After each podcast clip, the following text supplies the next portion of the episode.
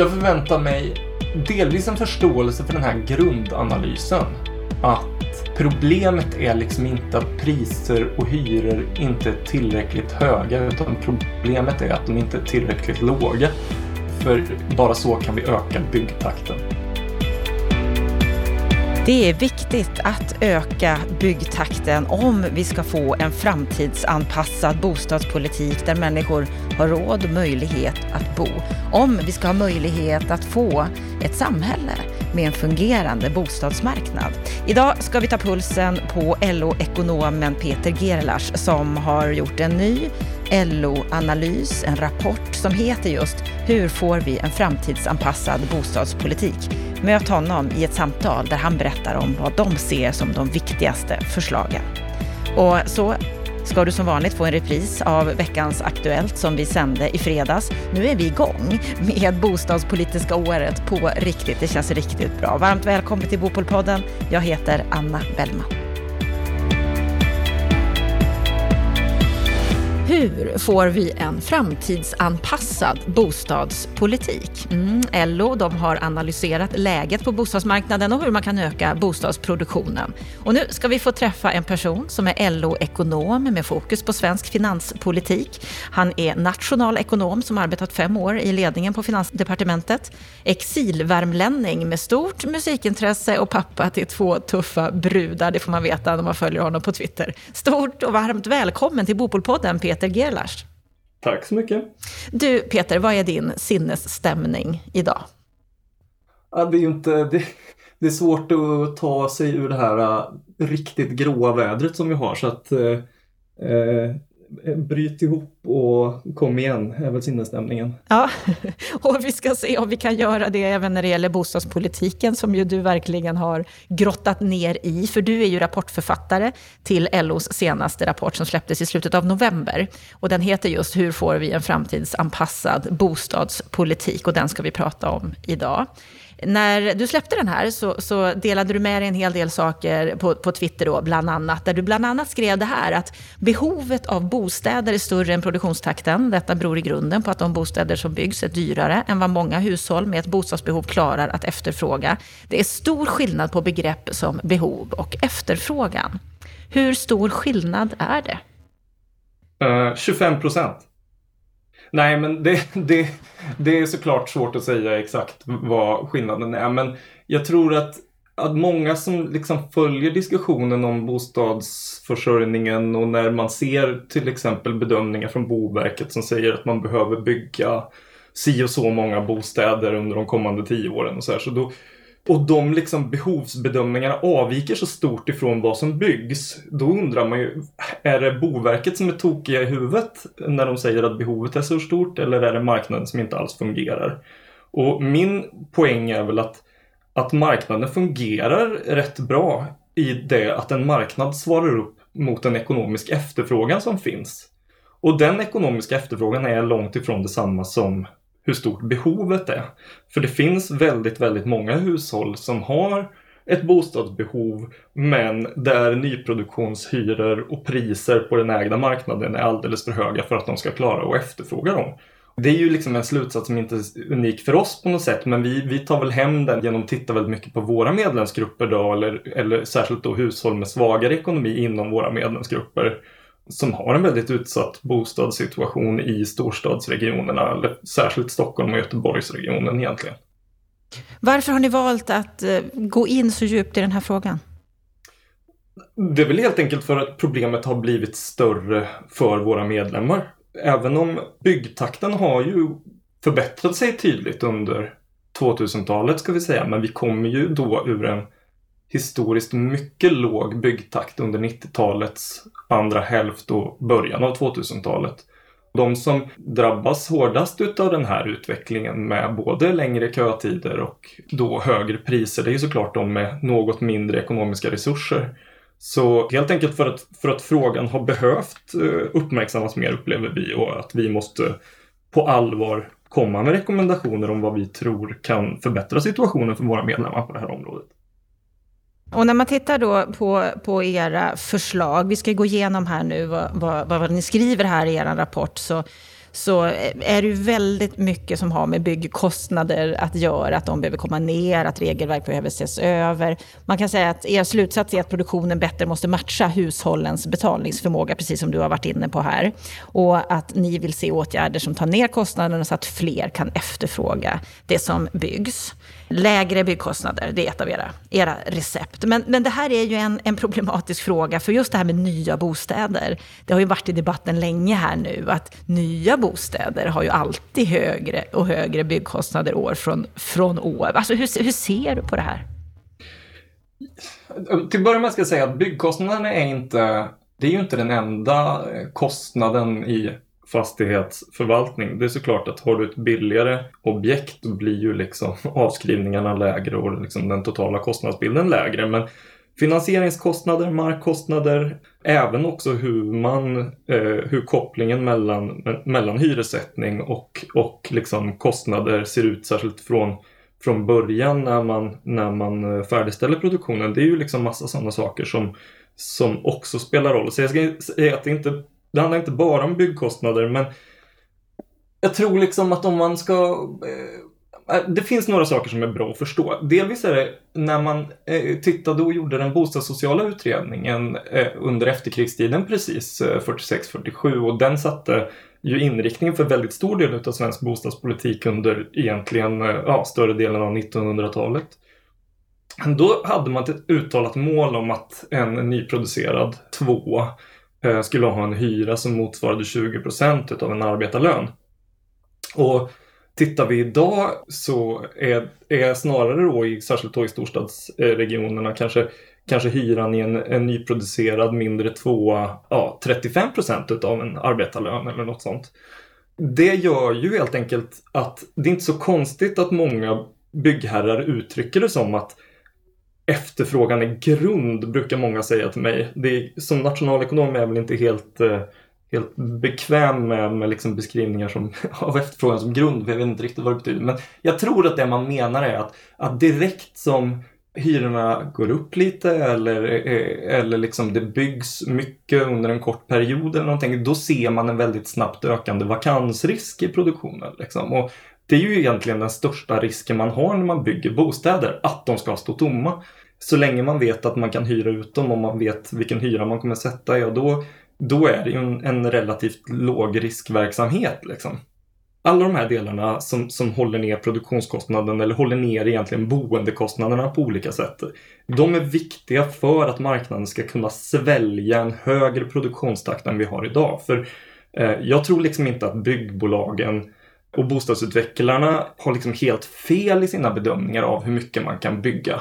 Utan jag tror att de gör rätt rimliga riskbedömningar utav hur mycket man får ut, hur mycket liksom man klarar att hyra ut utan att ha liksom mycket högre vakansrisk. Om man vill ha en högre byggvolym, ja då måste man liksom adressera det här grundproblemet för att marknaden ska kunna svälja en högre produktionstakt helt enkelt. Mm, men det som är viktigt då, som, som ni menar, det är ju att folk ska kunna efterfråga det som då byggs. Och hur stor effekt då på hyror och priser beräknar ni att era åtgärder som ni har föreslagit här kommer att få? Det har vi faktiskt inte bedömt rakt av utan vi har mer målat upp en palett av olika verktyg som, som bör kunna ha påverkan på det här. Jag ska också säga att, att vi är lite det är, såklart, det är såklart inte bara en fråga om kostnadssidan utan, och utbudssidan utan det är också en fråga om efterfrågesidan. Alltså, en anledning till att, att det här problemet har blivit större upplever jag väldigt tydligt. Det är ju att, att inkomstskillnaderna i samhället i Sverige har stigit väldigt kraftigt. Så, så förr när man byggde för en, eh, ja, en median eh, löntagare, ja då byggde man för en, i princip hela löntagarsegmentet för att skillnaderna var inte så stora. Idag om man bygger för en medianlöntagare så, så innebär det att man, man, man bygger och utesluter eh, en stor del av löntagarna från att kunna efterfråga det för att skillnaderna är större. Så att, så att det här är ju på något sätt också ett resultat utav mycket större frågor som ligger liksom utanför den bostadspolitiska eh, utanför det bostadspolitiska området. Eh, men det har vi ju då i huvudsak inte adresserat i den här rapporten utan här har vi bara tittat på liksom de bostadspolitiska verktygen. Eh, och då tittar vi ju också lite på saker som, som kan stärka hushållens möjlighet att efterfråga bostäder. Alltså till exempel lite hur, hur man får tillgång till, till lån, lite hur man smartare kan tänka när man förmedlar bostäder genom bostadsköer till exempel för att få en bättre allokering och på så sätt kunna matcha in fler i bostadsbeståndet smartare. Titta lite på bostadsbidragen även om det liksom inte är våran, eh, våran huvudsakliga lösning på något sätt. Eh, men någon sammantagen effekt av hur mycket det skulle kunna göra, nej det vet vi inte men min bedömning är att det skulle räcka rätt långt. Och och just nu så kan man väl säga att byggtakten ligger någonstans runt 50 000 bostäder per år och det bedömda behovet ligger någonstans runt 60 000 bostäder per år. Prognosen är ju att byggtakten kommer sjunka under kommande år fortfarande.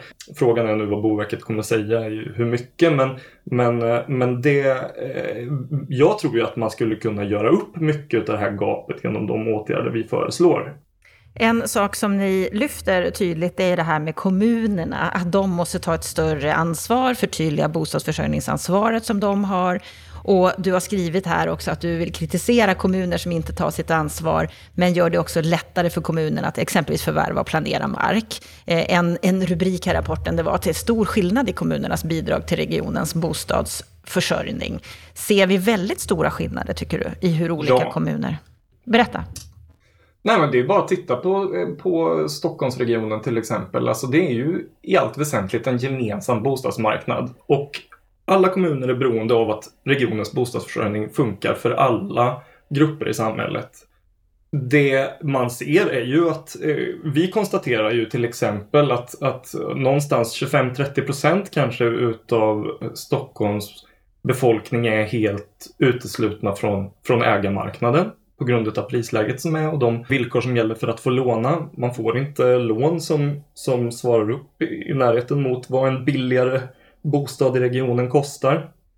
Så att om man konstaterar att 25-30% är uteslutna från ägarmarknaden utav befolkningen och sen ser man samtidigt hur kommuner som Täby kanske bara har ett bostadsbestånd eller en bostadsstock som består av 6% hyresrätter. Ja, då har man ju i praktiken uteslutit. De har ju avsagt sig allt ansvar för att försörja stora grupper i regionen med bostäder. Sen ser vi ju såklart jättestora skillnader i, i, i vilken byggtakt man har. Det är många kommuner som, som, eh, som bygger väsentligt mer än andra och andra som bygger väsentligt mindre än andra. Och, att de tar eh, olika ansvar, är det det du menar?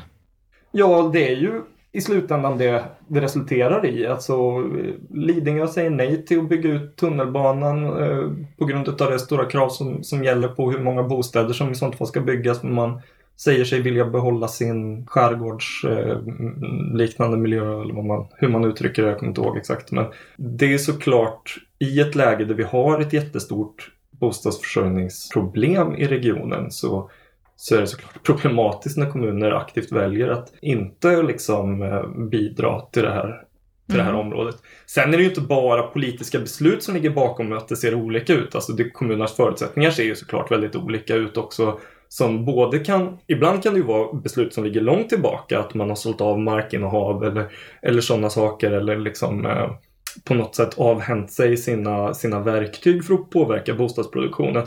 Men, men också såklart att exploateringsmöjligheterna ser helt olika ut i olika kommuner. Så att jag ska inte liksom bara säga att skillnaderna mellan kommunerna beror på på liksom, uh, hur, hur stor liksom ansvarstagande man visar utan det är såklart en mycket mer liksom snårig fråga. Mm. Och därför så tycker jag liksom, det viktigaste är att det viktigaste är att förstå det att kommunerna är nyckelspelaren i väldigt stor utsträckning. Det är de som sitter på det största markinnehavet i allmänhet. Det är de som har plan planmonopolet. Det är de som, som äger i allmänhet det största fastighetsbolaget i kommunen och så vidare. Hur de agerar spelar väldigt stor roll för hur mycket som blir byggt helt enkelt. Så, så att, att öka trycket på kommunerna och röja de hinder och underlätta så mycket man kan för dem samtidigt. Det tror jag är superviktigt för att, att man ska kunna eh, bygga mer. Mm. I ert program här så föreslår ni att kommunernas bostadsförsörjningsansvar ska förtydligas i form mm. av byggtal, det vill säga beting för kommunernas planberedskap. Hur tänker ni er att det ska betalas? Nej, vi tänker att de ska vara rådgivande till att börja med. Utan jag tror att det är flera problem som gäller, alltså bostadsförsörjningsansvaret som kommunerna har. Det är väldigt otydligt definierat vad det egentligen innebär. Mm. jag tror att det man behöver göra är att man behöver stödja kommunerna mer genom att säga att vår bedömning, eller delvis definiera vad är bostadsförsörjningsansvaret, vad är det vi förväntar oss, vad är vår målbild? Och sen också säga att ja, om man har den målbilden, ja då borde man försöka bygga ungefär så här mycket inom det här segmentet och inom det här segmentet. När det gäller den här upplåtelseformen och den här upplåtelseformen. Jag är inte en sån som vill liksom ta ifrån kommunerna planeringsansvaret och planmonopolet, men jag tror att de behöver mycket större stöd i att uppnå det och jag tror att man ska name and shamea i de fall där det är väldigt uppenbart att kommunen inte tar det ansvar som, som eh, man ändå måste kunna förvänta sig att de tar. Ja, men en sån grej då när det gäller att man ska förvänta sig att de ska ta en stor kostnad, så har ju det med det här med mark och exploateringsarbeten, som du var inne på förut här när det gällde byggkostnaderna. Är, är det rimligt, tycker du, att staten ska tvinga kommunerna att ta de här kostnaderna? Ja, de har ju det lagstiftade bostadsförsörjningsansvaret. Om det kräver att de tar exploateringskostnader så är det klart som fasen att de ska, eh, mm. de ska stå för den kostnaden. Det är så lagen är utformad. Men, men sen är det ju också många kommuner, eh, för vi ska ju också säga att den största delen av det som ska byggas det är ju i storstadsregionerna. Där får man i allmänhet rätt bra betalt för sin mark.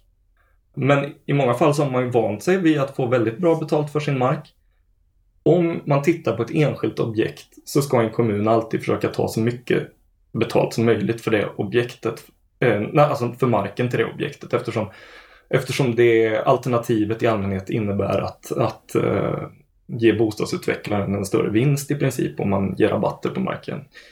Men om man ser det ur ett större perspektiv så är det, så är det ju uppenbart att eh, det vi ser är ju att markkostnaderna har stigit mycket snabbare än produktionskostnaderna, till och med snabbare än, än eh, eh, marknadspriserna på bostäder. Eh, så vi har liksom en väldigt snabbt stigande, väldigt snabbt stigande markpriser. Och, och det har ju med vilket utbud av mark som finns, hur mycket planerad mark som finns att tillgå. Och där verkar det ju som att kommunerna eh, håller igen eh, av olika skäl. Det kan ju vara att man saknar resurser att planera marken. Men man kan också se kommuner som agerar så att när man får ett tillfälligt fall i priserna för att till exempel som vi såg 2017 när priserna på marknaden föll ja, och intresset för att förvärva ny mark och, och, och byggrätter minskade ja, då ställer man in försäljningar och planering utav mark för man väntar på att priserna ska gå upp igen så man ska få mer betalt av marken. Då, broms, då liksom bidrar kommunen till att, till att bromsa produktionstakten eh, när man egentligen skulle vilja liksom snarare agera mer kompensatoriskt om man tittar liksom sammantaget. Så jag tror att det behövs ett, ett, att sätta ett större tryck och försöka hitta en stabilare produktionstakt där kommunerna löpande liksom lägger ut mark i den takt som, som bostadsförsörjningen kräver är en rimligare approach och sen så får man se hur mycket man får betalt för den snarare än att liksom hela tiden försöka maximera markvinsterna så att säga. En annan grej som jag vill ta upp med dig, det är, som jag förstår en viktig punkt i ert program, det är förmånliga statliga lån för att möjliggöra en ökad produktion av hyresrätter. Tänker ni er det här som en ersättning för de nuvarande investeringsstöden eller som ett komplement? Vi har i huvudsak tänkt på det som ett komplement. Uh, uh, men Vore det inte enklare det... då att öka nuvarande? Eh, ja, det är väl någonting som vi övervägde. Eh, vi tror ju att fördelen med statliga lån, det är väl egentligen i huvudsak två saker. Delvis så nyttjar du statens väldigt goda kreditvärdighet eh, till att eh, få en hävstång på liksom, eh, den här, det här stödet som det är. Då.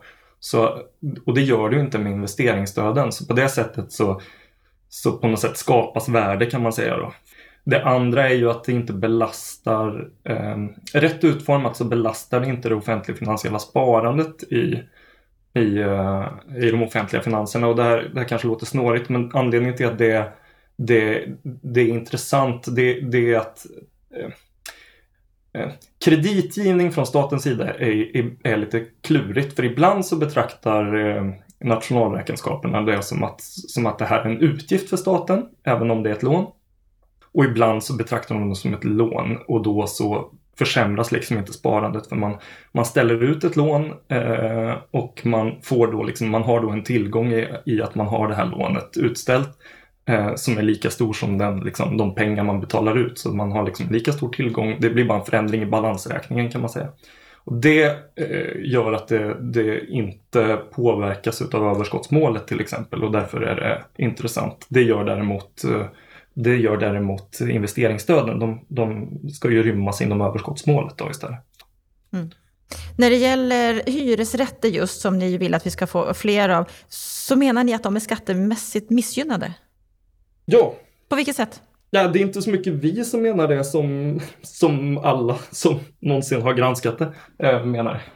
Vi har faktiskt inte gjort någon jättetydlig egen äh, genomgång utan vi, äh, vi hänvisar till exempel till Fredrik Kopps eh, studie från några år sedan som menade att eh, skattesystemet gör ungefär hyresrätten 25 procent dyrare än bostadsrätten. Vi konstaterar väl mest att det är så eh, och så länge man inte adresserar det problemet i de ekonomiska villkoren mellan upplåtelseformerna så kommer man få en överproduktion av bostadsrätter framför hyresrätter jämfört med vad marknaden egentligen efterfrågar. Så att vi, vi säger väl att, att allting måste inte nödvändigtvis tas igen på liksom skattesystemet utan den här skillnaden. Det, man kan ju ta igen en viss del där men, men till exempel genom investeringsstöd eller, eller, eller statliga lån då till, till hyresrättsproduktion så är det också ett sätt att förbättra de ekonomiska villkoren för hyresrätten kontra bostadsrätten och jämna ut villkoren mellan upplåtelseformerna lite. En, en sak som ni också tar upp det är att allbolagen borde omprövas. Bland annat allmännyttan borde kunna bygga med lägre avkastningskrav. Men skulle de då klara kravet på eget kapital? Jag tror inte man behöver ompröva all, allbolagen, ska jag säga. Det är mer att den, man behöver pröva allbolagen. Det finns ju skrivningar i förarbetena till allbolagen som säger eh, att, eh, att man inte ska, att man ska titta på, på bolaget som helhet när man bedömer avkastningskravet och inte titta på enskilda objekt. Samtidigt så är det väldigt många eh, allmännyttiga bolag som är oroliga för att de inte agerar affärsmässigt om de investerar med en avkastning på sig 3% i något, eh, något enskilt, eh, enskilt objekt och därmed avstår även fast de skulle klara sitt totala avkastningskrav eh, bra och det totala avkastningskravet är, är, är satt med liksom på en nivå som kan anses vara affärsmässigt. Det har ju varit några rättsliga prövningar som jag, jag förstår det. Jag är, inte, jag är inte den mest kunniga på, jag är ingen jurist så att jag är inte, inte mest kunnig på det här, men som jag förstår det så har det varit i, i liksom första instans man har prövat ibland om, om, om, eh, om eh, något allmännyttigt bolag har investerat med för låg avkastning i ett enskilt objekt. Och där har de allmännyttiga bolagen vunnit de prövningarna men det har aldrig gått till andra instans och blivit prejudicerande. Eh, så, så det gör fortfarande att liksom rättsläget är lite osäkert runt det här och det leder säkert till att allmännyttan avstår från enskilda investeringar trots att de inte egentligen kanske behöver göra det enligt lagen men de, de tolkar det så för att både vara, för att veta att de är på den säkra sidan och inte hamnar i någon dyr rättsprocess eller, eller något sånt. Så att, där tycker jag, här är det framförallt att man behöver förtydliga det som intentionerna med lagstiftningen som jag förstår det var väldigt tydligt. Att man skulle kunna eh, göra enskilda investeringar som inte eh, nådde upp till liksom, det totala avkastningskravet. Mm. I, I, tidigare program så har LO föreslagit att ett statligt byggbolag ska startas. Har ni släppt den tanken nu? Jag har inte, jag väl inte helt släppt den tanken, men jag tror att jag, tycker, jag tror kanske att den bygger till viss del på en analys som är ännu äldre. Alltså, det finns inte samma behov det, idag menar du? För det? Nej, men när jag tittar på liksom entreprenadsidan så verkar konkurrensen i huvudsak fungera hyggligt. Däremot så, alltså den, den, bilden av att byggsektorn kännetecknas av väldigt liksom svag konkurrens, den tror jag kanske kommer framförallt från 90-talet och eh, en bit in på 2000-talet. Tittar man nu så har ju, har ju liksom marknaden har ju eh, eh den har, det, har ju inte, det har ju liksom inte konsoliderats mer utan det har gått åt andra hållet. Alltså de stora byggbolagen har en mindre marknadsandel idag än de hade för, för eh, 20 år sedan. Det jag upplever däremot som, som där ett statligt byggbolag möjligtvis skulle kunna fylla en funktion det är ju att man ser att det är väldigt svårt i vissa regioner som inte har byggt mycket tidigare eh, att hitta eh, aktörer att, att jobba tillsammans med. Eh, för att eh, ja, men det har inte funnits liksom den typen av verksamhet kanske att bygga flerbostadshus till exempel på många i, i, i, i liksom på vissa orter. Och därtill ska jag säga att, och då är det ju ofta allmännyttan som uttrycker det här problemet. Därtill så är det ju också, där har ju också LOU varit ett hinder. Man, man, många också eh, allmännyttiga bolag då som ska försöka hitta någon som, ska, som vill bygga åt dem och inte får några anbud på sina upphandlingar. Och så här, de, de är ju begränsade, eller upplever sig i alla fall begränsade utav av, uh, upphandlingslagen när det gäller liksom hur mycket får de förhandla och diskutera och söka upp enskilda aktörer och försöka hitta liksom aktivt eh, liksom rekrytera någon till att jobba på orten och jobba med dem. För det, det kan ju vara känsligt på olika sätt då i, i upphandlingslagen. Så, så det är också en sak som vi diskuterar att, att, eh, att det finns, det verkar finnas möjligheter att de allmännyttiga bolagen inte skulle behöva använda upphandlingslagen utan, utan skulle skulle mer kunna jobba ja, affärsmässigt likt andra aktörer på marknaden när de eh, hittar leverantörer. Det verkar vara kostnadsdrivande att använda LOU eh, och eh, om det finns en möjlighet att inte göra det så tycker vi att det, eh, man ska ta den möjligheten. Mm. Det, det sista jag vill ta upp med dig nu, det rör ju svårigheten för många att ta sig in på, på marknaden, mycket på grund av kreditrestriktionerna. Vilka förändringar vill ni se där? Där diskuterar vi två förändringar i huvudsak. Det ena är ju att vi tycker att det finns skäl att göra en lättnad i bolånetaket för yngre hushåll. Man kan väl säga, det är väl två saker som vi diskuterar som huvudsakliga skäl då för varför man skulle göra den här lättnaden i bolånetaket. Delvis är det att yngre hushåll har en starkare inkomstutveckling i genomsnitt än äldre hushåll så att risken rent generellt att låna ut till någon som har en inkomst som växer mycket mer per år i genomsnitt än en annan grupp borde vara lägre. Men det andra är ju också som vi diskuterar, det är ju att som det ser ut idag så är ju boendekostnaden för en hyresrätt ju högre än boendekostnaden för en bostadsrätt. Mycket på grund av skattereglerna, men inte bara. Och att då liksom tvinga hushållen att söka sig till den dyrare upplåtelseformen för att spara ihop pengar för att flytta till den billigare upplåtelseformen det framstår som lite bakvänt. Då är det rimligare kanske att tänka att man, man möjliggör att man flyttar till den billigare upplåtelseformen och sen så betalar man in sin kontantinsats i efterhand genom kanske en snabbare amortering eller något sånt. Men hur ser du på det, det här med de höga kalpräntorna då? Det känns som att du tar finansinspektionen ja, i delen. försvar här. Ja, nej, men det är den andra delen egentligen. Vi har, inte, vi har väl inte adresserat eller vi tycker så här, det finns säkert fler saker att diskutera runt kalpräntorna, men vi mest konstaterar vad de är och sen så ser vi det som vi tycker är konstigast med kalpräntorna. Det är ju när man lägger till amorteringskravet. För nu då till exempel om jag ska låna 75% till en bostad eh, eh, och banken prövar min kreditvärdighet. Ja, då, då kollar man om jag klarar att betala 7% och så kollar man om jag dessutom klarar mitt 2 i amorteringskrav som jag i sånt fall eh, ska klara. Så att jag ska klara att betala 9% på det där lånet per år. Det som är grejen är ju att det finns ingen värld där, där vi kommer ha kvar ett amorteringskrav om räntorna stiger till 7 Och det är ju för att, för att är räntorna uppe på 7% ja då har vi ju en kraftig då har vi en kraftig inflation i samhället. Och har vi en kraftig inflation, inflation är ju en, en liksom implicit amortering. Alltså ditt lån minskar ju i värde med inflationstakten i allt väsentligt.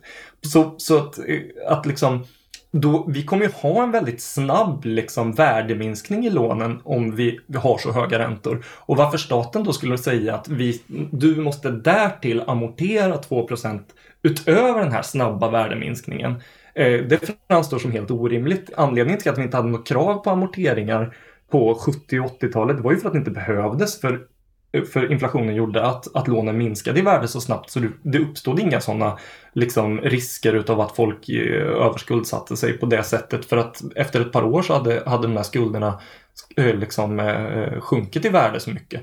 Och därför så tycker vi att redan idag skulle man gå ut och säga att så här, ja, nej, men eh, om räntan eller inflationen stiger till de här nivåerna då kommer amorteringskravet av, avskaffas. Och gör man det så kanske bankerna kan då bortse från amorteringskraven när de bedömer liksom de högsta räntenivåerna, att man klarar 7 ja då behöver man inte därtill lägga till 2% amortering för det kommer aldrig vara ett krav simultant. Liksom. Jag tycker att det är rätt oproblematiskt att när räntan är 1,2-1,3 procent för massa låntagare, jag, jag, att man då säger att så här, ja, ni måste också amortera 1-2 procent på era lån. Det är helt fine, det är helt rimligt. Men, men det är just den här, vad händer när räntan stiger? Det är där det börjar bli konstigt, liksom amorteringskravet. Mm. Vi, ska, vi ska sammanfatta kort här nu, avslutningsvis. Hur får vi en framtidsanpassad bostadspolitik, heter er rapport. Vilka effekter kommer kommer den att få om den genomförs, era förslag? Nej, det kommer få en högre byggtakt i huvudsak. Förhoppningsvis en, en något långsammare prisutveckling på bostadsmarknaden är väl också en förhoppning. För det, det, den takt vi har idag eh, funkar inte. Vår förhoppning är ju framförallt då att det här ska skapas genom lägre hyror i nyproduktionen, vilket ju också är en, en stor del, fördel för många hushåll. Mm. Vad förväntar du dig av politiken framåt? Jag förväntar mig delvis en förståelse för den här grundanalysen. Att problemet är liksom inte att priser och hyror inte är tillräckligt höga utan problemet är att de inte är tillräckligt låga. För bara så kan vi öka byggtakten. Det är det första. Och sen förväntar jag mig en öppen, ett öppet sinne egentligen i att, uh, att överväga olika åtgärder som kan tillskapa det. Tror du att du kommer att få se det öppna sinnet och att det blir lite action i den här frågan? Jag, tycker, jag måste säga att jag tycker att, eh, att de flesta partier jag pratar med ja, men är, är väldigt liksom intagande och eh, reflekterande och, och, och lyssnar. Sen är det Nej, jag tycker, jag tycker nog, att, jag tycker nog att, att det finns en god goda förutsättningar. Mm, då, får vi hoppas, då får vi hoppas ja. att det gör det. Stort tack Peter Gelars för att du var med i Bopolpodden. Tack så mycket.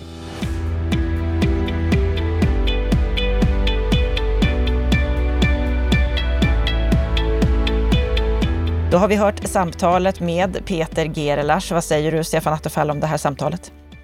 Mycket intressant samtal och som sagt var jag också ägnat en del tid att gå igenom deras rapport från LO och det är faktiskt en mycket seriös, välskriven och analytiskt eh, klok rapport i många stycken.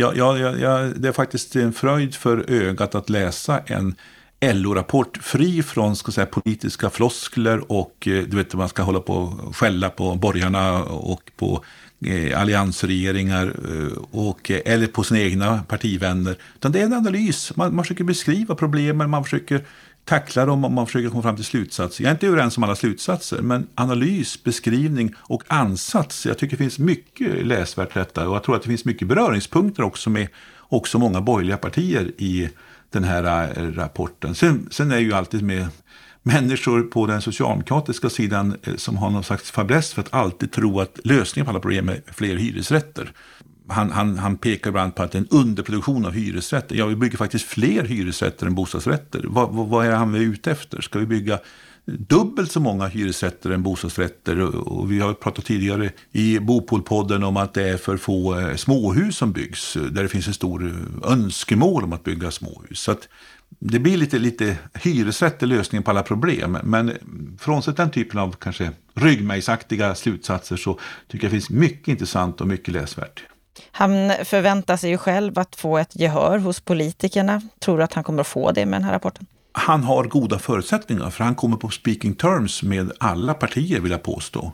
Och jag skulle säga så här att här finner han beröringspunkter med långt in i borgerligheten kring både förslag men också framförallt analyser. Och jag tror att han också kan, kan fånga in mycket av, eh, mycket av det som finns i socialdemokratin och, och det är möjligtvis den yttersta vänstern och yttersta marknadsliberalismens eh, banerförare som möjligtvis inte hänger med överallt. Men i övrigt, övrigt så finns det en god plattform för samtal, det, det, definitivt. Han pratar ju bland annat om Stockholms gemensamma bostadsmarknad. Mm. Och där har han en poäng. Alltså, vi har ju så i Stockholm framför allt, men också stor del i Malmö och Göteborg, att vi har ju över kommungränsen en gemensam bostadsmarknad. Så folk vet ju inte, bor jag i Solna, Sundbyberg eller Stockholm eller vilken kommun bor jag i Huddinge? Alltså, och detta präglar ju inte bostadsplaneringen. Eh, och där har han ju helt rätt. Eh, inte att man ska eh, tvångsförvalta kommunerna kanske, men man måste kunna ha mer av gemensamma tag, mer av gemensam styrning. Eh, jag försökte ju som bostadsminister att få igång en utredning om just en gemensam bostadsplanering och jag måste erkänna att den blev lite halvmestyr. Eh, därför att den, partierna befolkar ju den med kommunpolitiker som mer vill värna sina, sina kommunala intressen än att se regionala helhetsperspektiv. Men han är helt överens. Alltså man, man kan inte i en Stockholmsregion bete sig som att eh, en kommun är liksom för sig själv, utan man måste se gemensamt tar, går ut i landet så hittar du massa olika, Norrköping, Linköping, kranskommunerna där. Det blir ofta en gemensam bostadsmarknad. Man måste ha mycket mer gemensamma tag och där tror jag Länsstyrelsen skulle kunna spela en större roll och bli en mer planeringsorgan som hjälper till, eller regionerna. Man måste hitta strukturer som gör att kommunerna måste anpassa sig mer till omgivningen. Därför att den ena kommunen gör det påverkar grannkommunen och arbetsmarknaden är faktiskt inte så lokal som man tror många gånger. Mm. Han, du sa här inledningsvis att eh, det är en bra rapport, men att du inte håller med om exakt alla förslag. Vad är det du inte tycker är bra? Alltså, jag kan säga, jag, mycket när han skriver om, om behovet att sänka, sänka byggkostnader och eh, regelverken, eh, öka seriella byggande, industrialisering, stärka konkurrens och materialsidan, kommunernas brister i sitt bostadsförsörjningsansvar. Jag håller med mycket, jag tycker det finns mycket bra saker där. Det som jag är tveksam till, han pratar om bättre de pratar om bättre och mer rättvisa finansieringsvillkor och vill att staten ska gå in med någon slags lån, långsiktiga lån. Eh, och så säger han att det är bättre än att öka investeringsbidragen. Ja, för det första så finns ju ett motstånd. Hur mycket ska staten ta på sig i att vara garant och låna ut pengar? Eh, någonstans så ska ju det, det, eh, det är en risk staten tar också. Jag tror ju mer på att jobba med garantier och låta den privata kapitalmarknaden sköta det här. Men staten går in och garanterar för vissa grupper och vissa lägen. Det kan vara mm, för att hjälpa ungdomar in på en ägda bostadsmarknad. Det kan vara för att hjälpa exempelvis de som har kanske fått betalningsanmärkning att få sin första hyresbostad och få en hyresgaranti. Eh, jag tror att den typen av teknikfrågor tror jag vi diskuterar mycket mer. Men sen är han inne på det här med allmännyttan och där tycker jag att cyklar lite grann. Att eh, påstå att man skulle behöva se över regelverken för allmännyttan. Om allmännyttan är rädd för att fatta beslut om att bygga så beror det mer på styrelsen i allmännyttan. Det är bara att byta ut dem. Än på att förutsättningar inte skulle finnas. Och det här med att man ska ta bort LOU från de kommunala bostadsbolagen. Det vore förödande. Alltså risken är uppenbar för att du utvecklar korruption till slut. Om du börjar eh, tumma på den principen att alla kommunala bostadsbolags upphandlingar eh, måste, kan ske hur som helst nästan. Eh, då måste man införa någon ny version av, av LOU och då har du EU-rättsregler. Ja, det, det, det, är en omöjlig väg. Eh, men sen har ju också många intressanta förslag om hur man ska hjälpa fler med låga inkomster in på hyresmarknaden. Bättre bostadsbidrag, tillgång på sociala kontrakt, det behöver bli bättre. Kommunala hyresgarantier behöver användas i högre utsträckning. Så det finns mycket bra beståndsdelar i den här rapporten, men det finns också en del saker som kanske är lite mera, tycker jag då, ett, ett skott i luften eller en, en, en, en liten feltänkt. Men som sagt var, förutsättningar finns tror jag för ett bra samtal mellan LO och flera partier kring de här frågorna. Då har vi hört samtalet om den nya rapporten Hur får vi en framtidsanpassad bostadspolitik med Peter Gerelars och Stefan Attefalls kommentar på den här rapporten. Då har det blivit dags för oss här i Bopolpodden att sända en repris av veckans Aktuellt som vi körde i fredags. Varmt välkommen tillbaka efter jul och nyårsledighet, Stefan Attefall, expertkommentator nu är det dags för veckans Aktuellt, den här första hela veckan det här året. God fortsättning får man börja med att säga. Detsamma, detsamma. Det är bra att Sverige är igång igen. Eller hur? Och det har ju hänt en hel del på den bostadspolitiska arenan under den här veckan. Och vi ska börja med att lyfta en artikel som Robert Boye och Fredrik Kopsch en debattartikel 10 januari, en ganska lång artikel där de menar att småhusbyggandet i det tysta har fallit dramatiskt det senaste decenniet. Från 45 till 20 procent. Väldigt, väldigt mycket. Är det här en önskvärd utveckling sett till hur hushållen vill bo? Och vad säger egentligen forskningen? Det är deras ingång till den här artikeln. Va, va, vad säger du om, om det här, Stefan? Det är en mycket intressant artikel som finns på DN Debatten den 10 januari och eh, de pekar på någonting som faktiskt har uppmärksammats av många men inte riktigt fått fäste i den allmänna debatten. Och det är just att, eh, jag brukar säga så här att småhusbyggandet kom aldrig ur finanskrisen 2008-2009. De stannade kvar på en ganska låg nivå medan flerbostadsbyggandet ökar dramatiskt. Och småhusbyggandet har bara har stått stilla i stort sett. Gått upp lite grann, gått ner lite grann och som andel har alltså sjunkit dramatiskt. Och som de påpekar så byggs det som andel mycket mindre småhus i Sverige än i våra grannländer. Jag tror till och med Holland exempelvis, detta land, så liten yta per person. De bygger fler småhus än vad Sverige gör, en större andel småhus av sitt totala bostadsbyggande.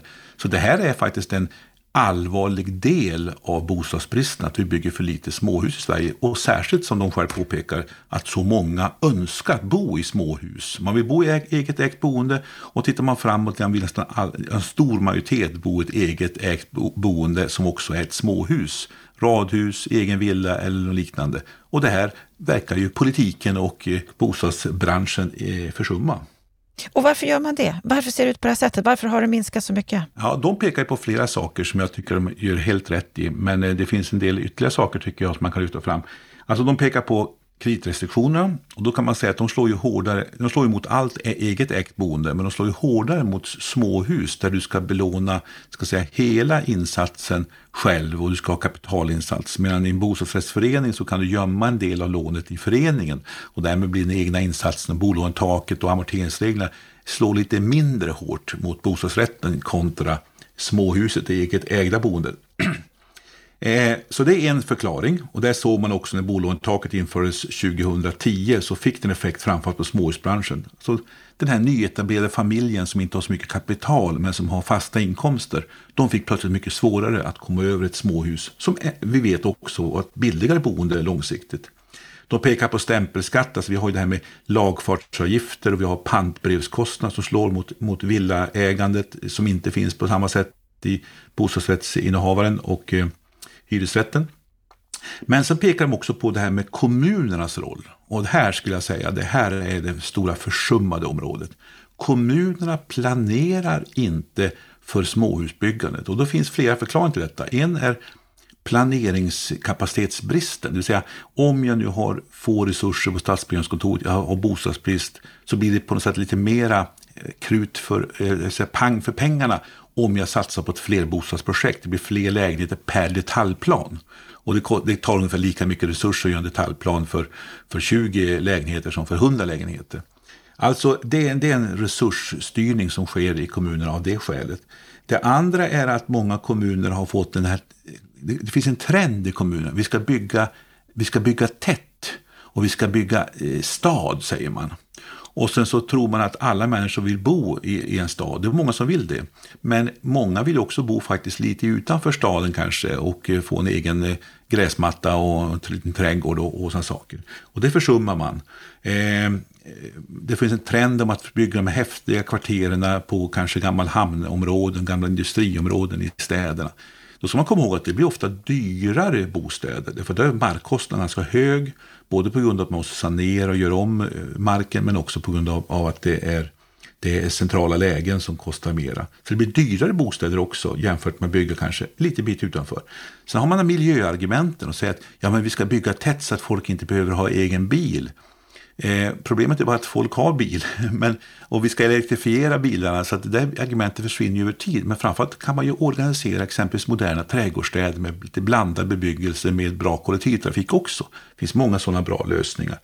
Eh, Likaså vet vi också att många av de här småhusen byggs i trä, vilket har lägre klimatavtryck än betonghus i centrala städerna. Och där visar också bland annat en färsk KTH-studie att, att miljöeffekten av att bygga småhus kan vara klimatsynpunkt lägre än att bygga flerbostadshus i betong. Så det finns flera sådana här argument. Och så finns det ett sista argument som också man glömmer bort. Det är att eh, de stora drakarna med mycket resurser, de kan köpa upp mark, driva planprocesser gentemot kommunerna och sen bygga bostäder och kan ligga på marken ganska länge och ha resurser för detta. Medan småhusbranschen ofta varit mycket fragmentiserad och man har inte haft de där musklerna på något sätt.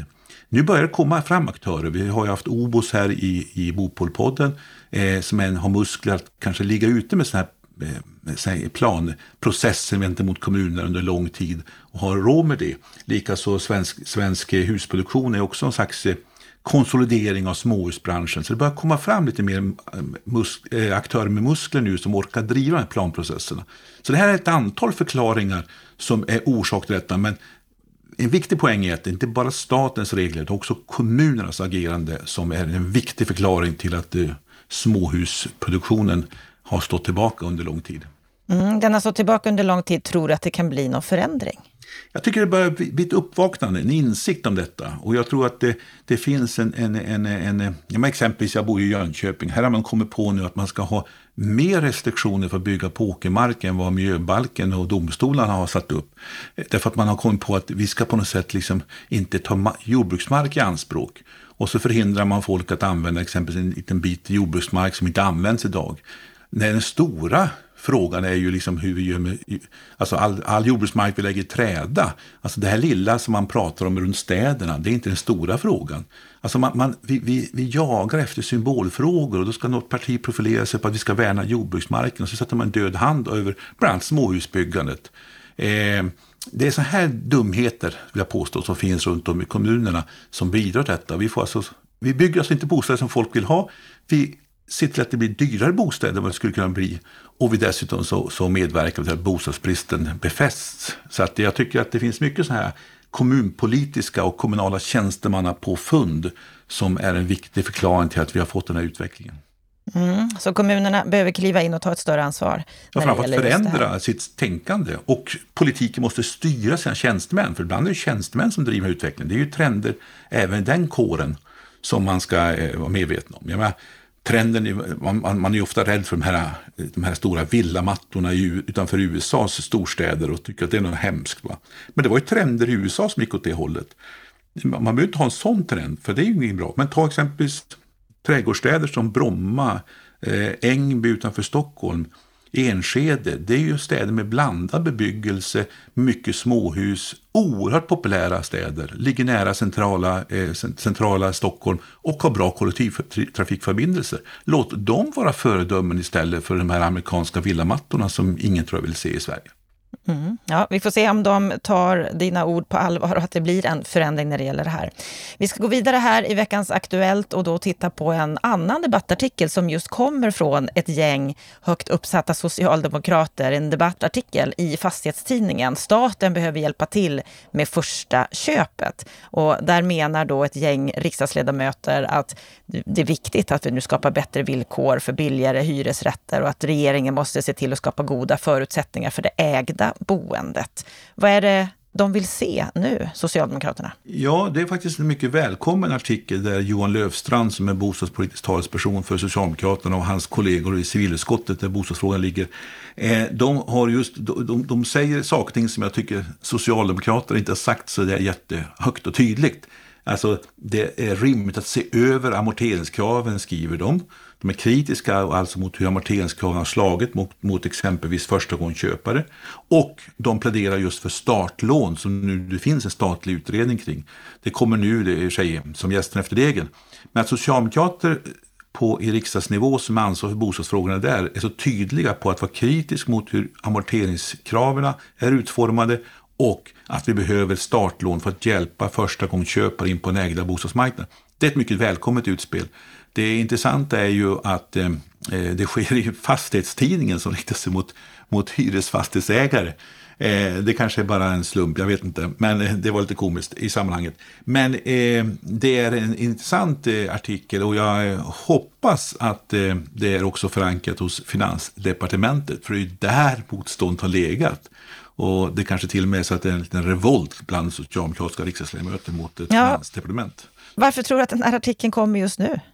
Ja, jag, jag, tror att det är ett sätt för, för eh, ett gäng socialdemokrater att visa en viss frustration gentemot eh, sin regering. Eh, och eh, jag tror att också de vill markera att de också är för de här sakerna nu. Vi har ju fått en statlig utredning på plats om just startlån. Nu, tyvärr ska den vara klar först nästa höst, november tror jag var. Eller till nu kommande höst i november. Och då kommer den praktiken inte hinna bli en proposition och riksdagsbeslut före valet. Och, och, det är väl det som är så tråkigt. Men, men jag tror att ett försök för, för de här Socialdemokraterna visar på att ja, men vi är också med på banan. Vi vill också ha förändringar.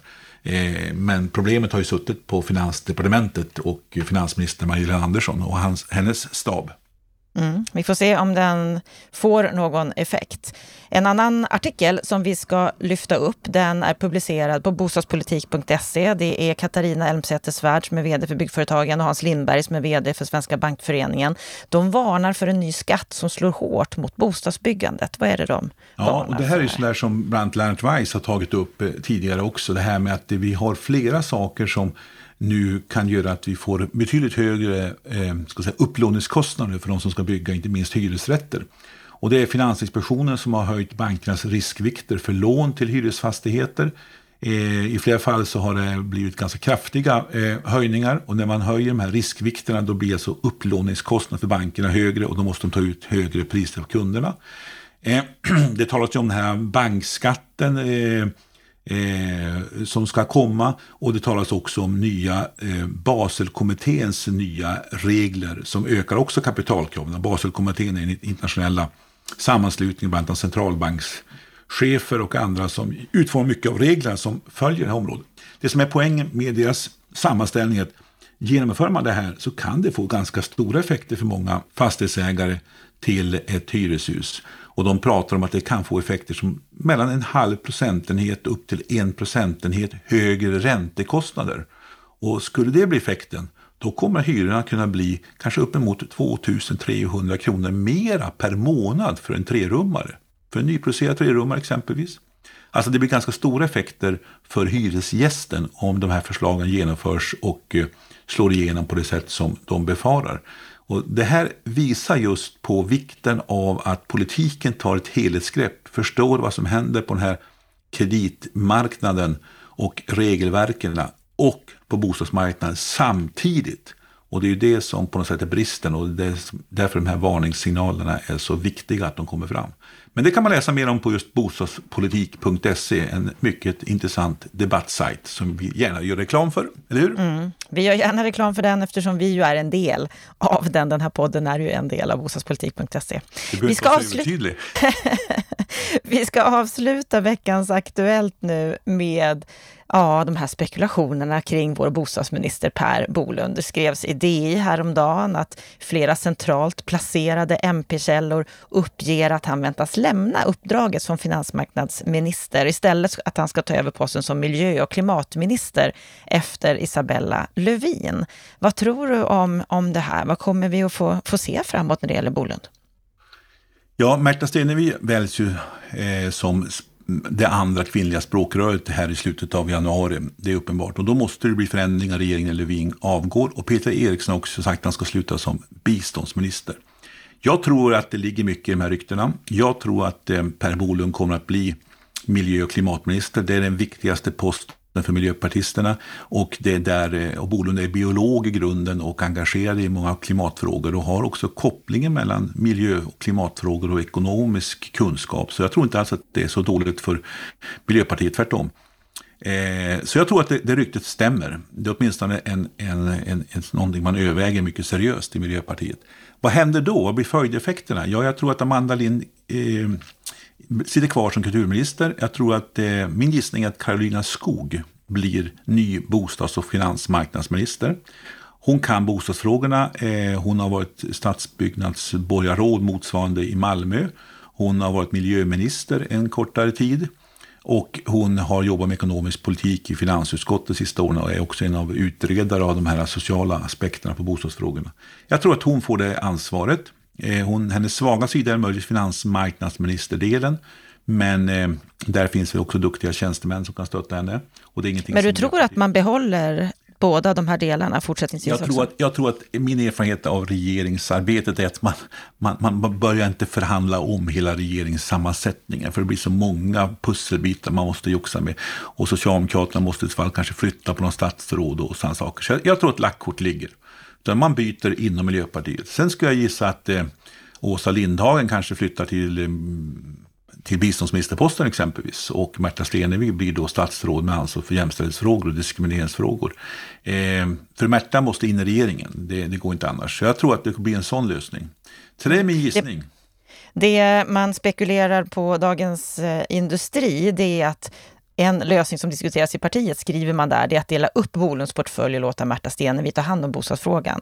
Och att man i så fall skulle lämna över finansmarknadsfrågorna till Socialdemokraterna. Ja, men varför skulle man lämna ifrån sig de frågorna? Det är ju att tappa inflytande och eh, det gör inte ett parti. Då ska man ha någonting annat istället. Och då börjar den här rokaden på något sätt. Va? Och det, jag tror att det vill man nog inte ha.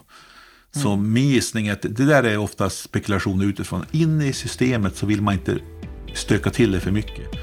Miljöpartisterna får lösa det här inom sina portföljer. Det tror jag är lösningen.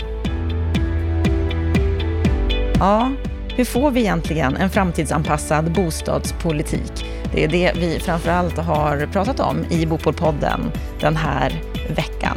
Är det så att du vill ha fördjupning, då går du in på bostadspolitik.se. Där samlas artiklar, kröniker, rapporter mycket som har med det bostadspolitiska området att göra. Så gå gärna in där. Och vill du kontakta oss, då gör du det på podd.bostadspolitik.se. Med det så önskar jag dig en fantastisk härlig vecka.